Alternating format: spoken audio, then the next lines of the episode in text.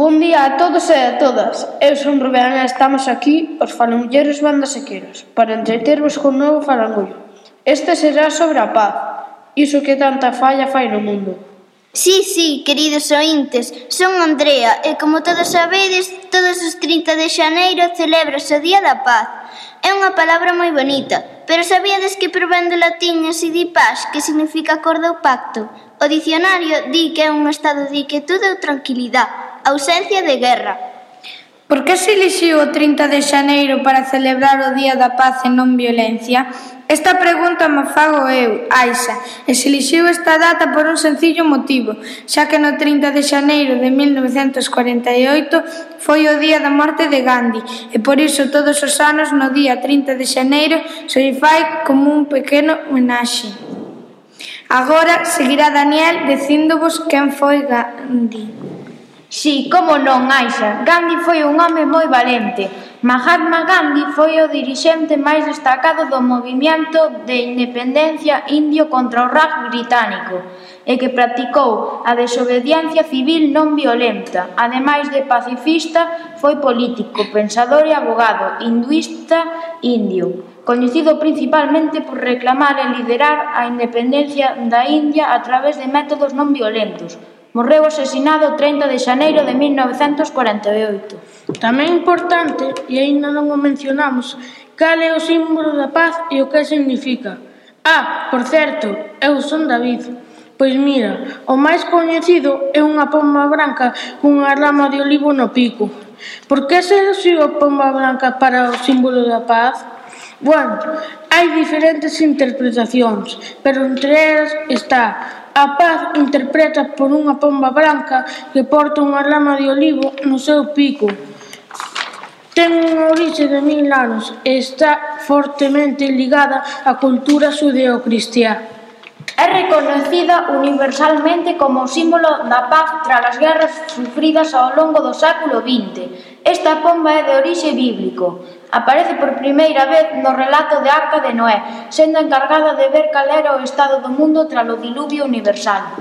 Fixadevos se é importante na nosa vida que hai cantantes que dedicaron cancións como Corel Esmeralda de Diego Torres, que canten os nenos de José Luis Perales, Hoxe cantamos pola paz, Girl de Gord, Queremos paz de Maná, Imagine de John Lennon, Paz, paz, paz de Juanes.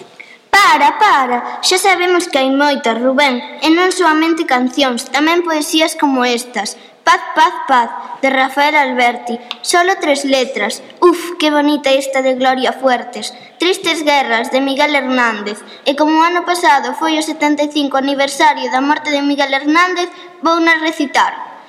Tristes guerras. Tristes guerras, si no es amor la empresa. Tristes, tristes, tristes armas, si no son las palabras. Tristes, tristes, tristes hombres, si no mueren de amor. Tristes, tristes. Que ben a recitaches, Andrea.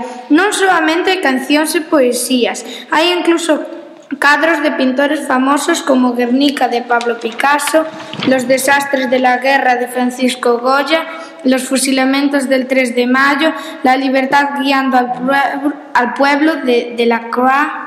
E películas contra a guerra, salvar ao soldado Ryan, Ant, cadena de favores, Azur y Asma, guerra de Bottoms, el niño col pijama de rayas, Incluso hai libros, pois a película El niño de pijama rayas é un libro. Outro, Diaria de Ana Frank, Leonor y la Paloma de la Paz, de cómo Fabián acabó con las guerras, El soldado y la niña y la lección de August.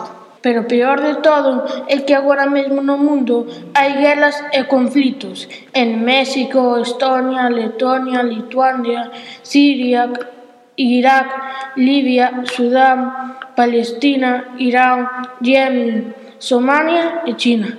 Iso provoca que cantidad de persoas, entre eles nenos coma nós, teñan que marcharse do seu país para convertirse en refugiados ou desplazados, tendo que vivir en tendas de campaña pasando frío, sede e fame. Bueno, non hai que ir polo mundo buscando conflitos. Sen ir máis longe, na nosa vida cotidiá, armos. En iso estou eu de acordo, xa na nosa vida cotidiá se producen moitas situacións de violencia. Por exemplo, cando insultamos e pegamos a un compañeiro, se apartamos alguén do grupo, se facemos sentir mal a outra persoa con algún comentario, ao utilizar ameazas e ao despreciar a outras persoas pola súa maneira de ser. Ah, pois, Aixa, ocórreseme que podemos dar algúns consellos para non ser tan violentos, xa que ás veces actuamos sen pensar antes do que estamos a facer. Deberíamos solucionar os problemas dialogando cun sorriso, saber pedir perdón e perdoar, aceptar os nosos fallos, comprender e poñerse no lugar dos outros, non facer o que non queiras que che fagan a ti, usar a empatía, darse máis abrazos que tortazos, Eu creo que estes consellos que acabamos de dar nos poden axudar a todos a ser mellores persoas. Pareceme que se todos actuáramos sen violencia, o noso mundo sería moito mellor. Aquí rematamos este falangullo. Esperamos que utilicedes estes consellos. Nos intentámonos todos os días.